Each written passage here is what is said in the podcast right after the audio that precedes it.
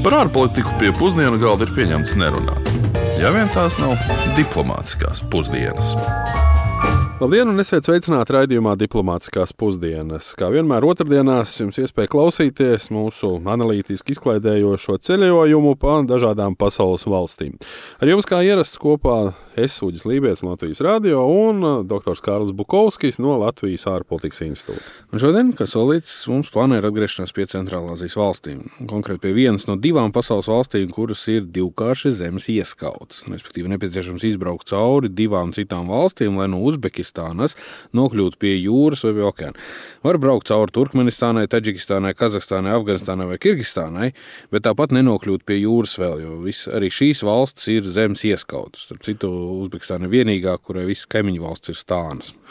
Un tā tad jūs varējāt saprast, ka šoreiz mēs runāsim par Uzbekistānu. Un uh, otra valsts, kurai ir šāda līdzīga situācija kā Uzbekistāna, ir Lihtenšteina. Bet uh, Uzbekistāna ir zināma ne tikai ar savu geogrāfisko īpatnību dēļ, bet uh, arī vēl kādas tradicionālas uh, nu, īpatnības dēļ. Proti, rokas spiedienu drīkst veikt tikai starp diviem vīriešiem. Un sasveicinoties ar sievieti, vīriešu pienākums ir uzlikt roku uz sirds un paklanīties. Ir gan viena cita arī tradīcija, kas man pašam šķita visnotaļ jauka, ka vērtīgāko viesi sēdināt vis tālāk prom no ieejas mājā. Ko par šo 31 miljonu cilvēku lielo valstu un tās tradīcijām zinās mūsu klausītāji vecrīgas ielās, nu, tad, tad, tad tas paklausīsimies. Ar ko jums asociējas Uzbekistāna? Azija, mangāla, šašlīka, plops. Nu, bijušais padomju Savienības republikāri. Nu, Vidusāzija, nu, bijusī padomju Savienības republika. Uzbekistāna. Poja par šito neesmu vispār domājis. Kaut kur var ap, ap, apmēram kaut kas nav uz to pusi, kur ir uh, melnie, kur dzīvo. Musulmaņi kaut kas uz to pusi varētu būt. Ēdienas pols, pols, kaut kas zelts, kaut kas tāds, bet nu, nācija arī spilgta, bet kaut kādas nācijas tradīcijas, tradīcijas noteikti, jā. O, oh, tā ir ļoti laba valsts. Esmu tur bijis vairākas reizes, man tur ir draugi. Nodarbojos ar alpīnismu, kāpu kalnos. Oi, tas Rieģņā Āzija! Tā ir Centrālā Azijas valsts, un galvaspilsētu visi zina. Esmu par giru strādājusi.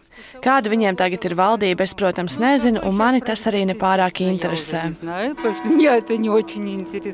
Ar citādāku kultūru, valsti, kas nav Eiropas Savienībā un ir tālu no Latvijas. Nu, tur kaut kāda virzība, ir kaut kāda tāda, tāda patstāvīga darbība, nu, paši pa sevi viņi tur un tā, nu, ar vērtībām drusciņi. Bet gribētu sākt ar ko politiski aizraujošu, ar četrām varenām impērijām, kas ir pastāvējušas un veidojušas to teritoriju, ko tagad sauc par Uzbekistānu. Proti, savulaik tā bija daļa no Persijas impērijas, kuru Aleksandrs Lielais iekaroja aptuveni 4. gadsimtā pirms mūsu ēras. Uzbekistānas reģions ir bijis arī mongoļu pakļautībā, nu, Čingiskana vadībā 13. gadsimtā, kurš iekaroja reģionu un sagrāba to no Selģuku turkiem. Vēlāk reģions nonāca Timura, Ibantaragaja, Barlasa jeb Tamerlāna impērijas pakļautībā. Starp citu, tādā valstī kā Uzbekistāna ir tik sena vēsture, arī, protams, pilsētas, kas ir tūkstošiem gadus vecas. Un slavenākā no tām, protams, ir Samarkanda, um, gandrīz 3000 gadu veca, un tai tiek piedāvāts arī viena no vecākajām pilsētām pasaulē tituls kas ir svarīgi šajā stāstā, tad tieši Samarkandas pievārtē 1336. gadā Timurs arī piedzima. Nu, tie, kas varbūt nezina, Timurs bija izcils karavadons, kas spēja iekarot milzīgas teritorijas un izveidot Turāns impēriju, kur atradās starp mūsdienu Turcijas vidieni un Indijas vidieni. Jā, tā tad teritorija tiešām ļoti iespaidīga. Tomēr, skatoties uz Uzbekistānas moderno vēsturi, noteikti ir jāmin tās iekļaušana Padomju Savienībā 1924. gadā, neskatoties uz gana ilgstošu pretošanos bolševikiem. 91. gadā, kā visas postpadomu valsts, arī Uzbekistāna ieguva neatkarību, un uz nākamajiem 25 gadiem valstī vadīja Islams Karīmovs.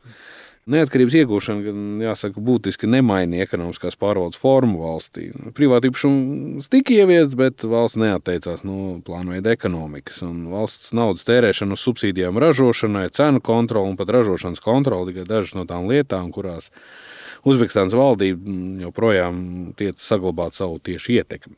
Un runājot kā ierasts par salīdzinot valstis un IKP uz vienu iedzīvotāju pēc pirktspējas paritātes atbilstoši Pasaules bankas datiem, tad Uzbekistānai šis IKP uz vienu iedzīvotāju ir apmēram četras reizes mazāks nekā Latvijas un vērtībā 7000 eiro uz vienu cilvēku pret Latvijas 29,000.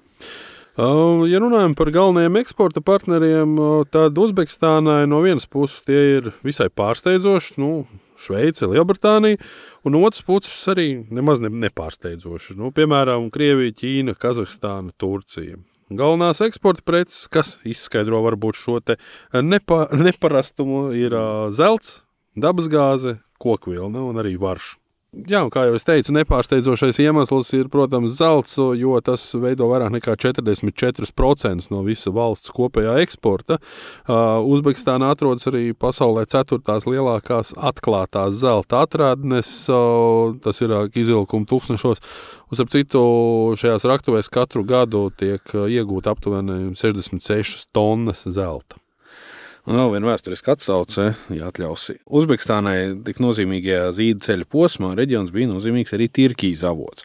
Zīda ceļš, kā zinām, aizsākās vēl pirms mūsu ēras un darbojās vairāk nekā pusotru tūkstošu gadu. Un beidz tas faktiski pastāvēt līdz ar jau pieminētā Timūra karagājieniem, kas radīja nestabilitāti Centrālā Āzijā. Nu, kā, mēs, kā mēs ļoti labi zinām, tad kara darbība ir lielākais ienaidnieks brīvai tirdzniecībai.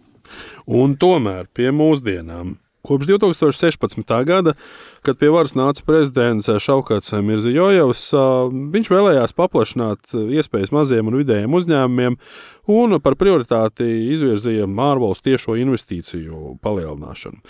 Proti, īsāk sakot, sāka modernizēt valsts ekonomiku, bet uh, sen ieradumi, vecas blusas mirst lēnām un, un, un neraugoties uz pastāvīgiem centieniem šo ekonomiku dažādot, Uzbekistāna vēl joprojām ir relatīvi agrāra valsts.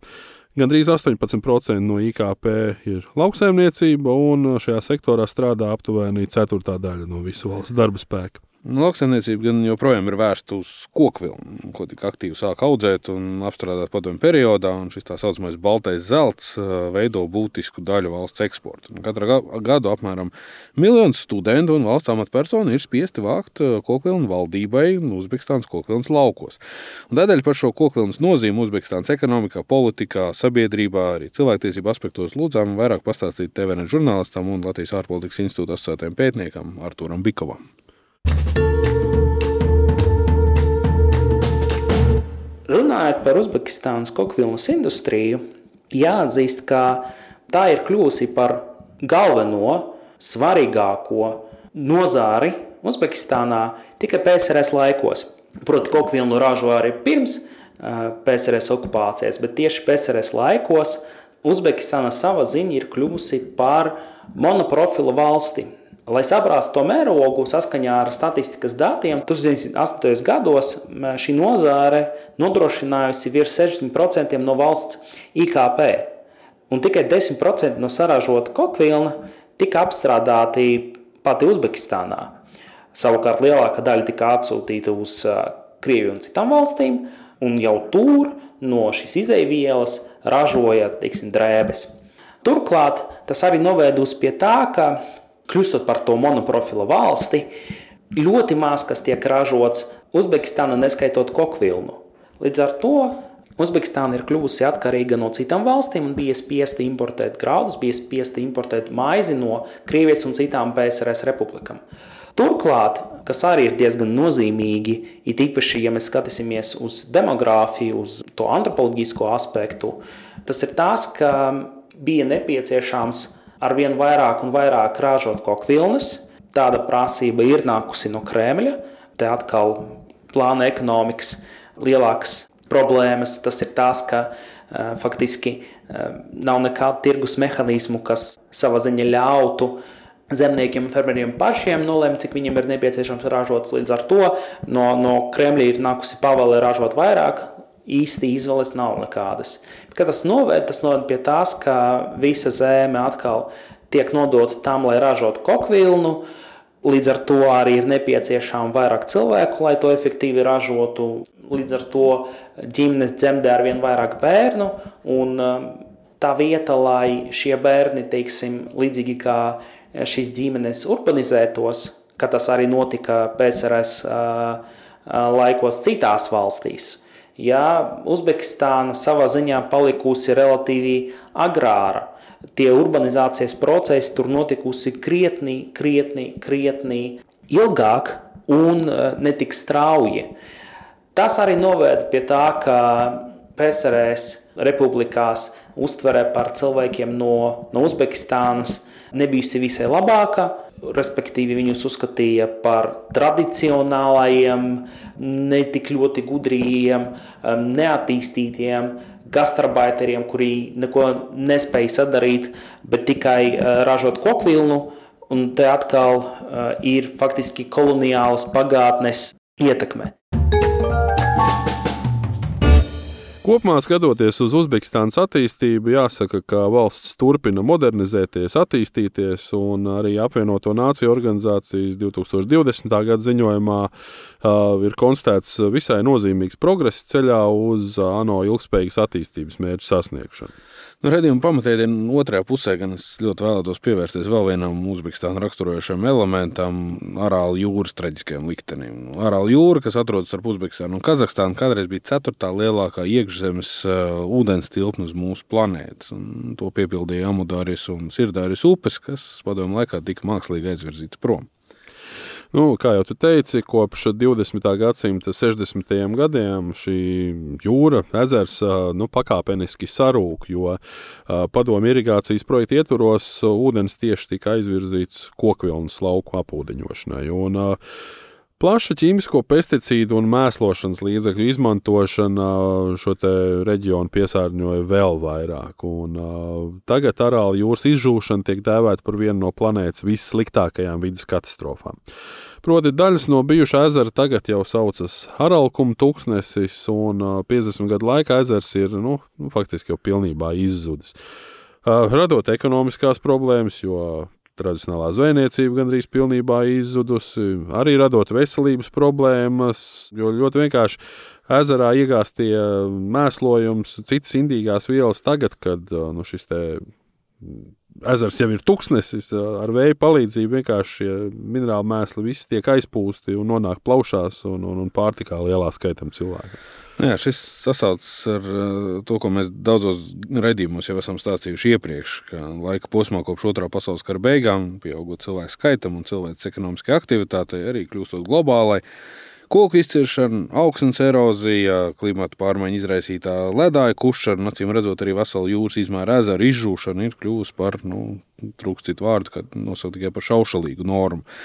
Un tas viss patiesībā patērētājs krējina pēc lētākām cenām, ražotāju centienos būt konkurētspējīgiem un izmantot relatīvās priekšrocības principus starptautiskajā tirzniecībā, un tā faktiska novešana līdz galējībai vai pat absurdam.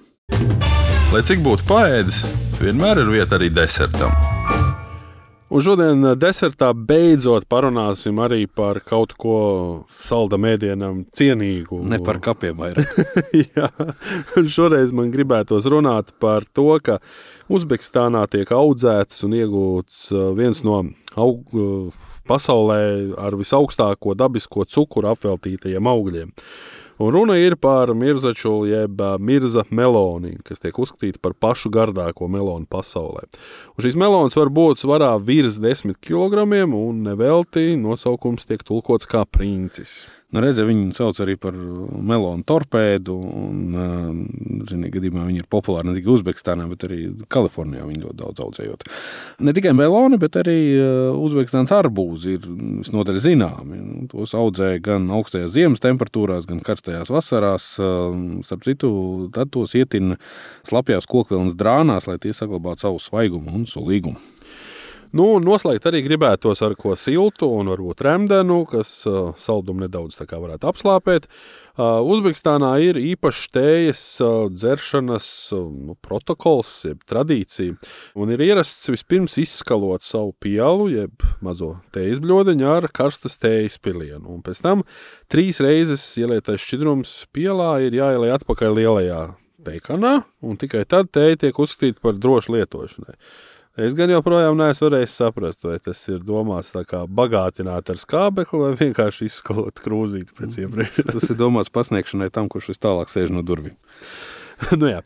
un ar šo faktu arī mēs šo sarunu par Uzbekistānu noslēdzam un atgādināšu, ka Mūs varat klausīties Latvijas Rādio 1 arhīvā, portālā LSMLV, mūzikas straumēšanas iecienītākajās platformās, un, kā vienmēr, šo raidījumu palīdzēja veidot arī kolēģi Aleksandra Palkova un Uldis Česberis. Uz sadzirdēšanos! Nu, vēl viena lieta, pirms noslēdzam, nākamnedēļ dosimies uz Tongas karalisti, bet nu, līdz tam, lai viss mierīgi!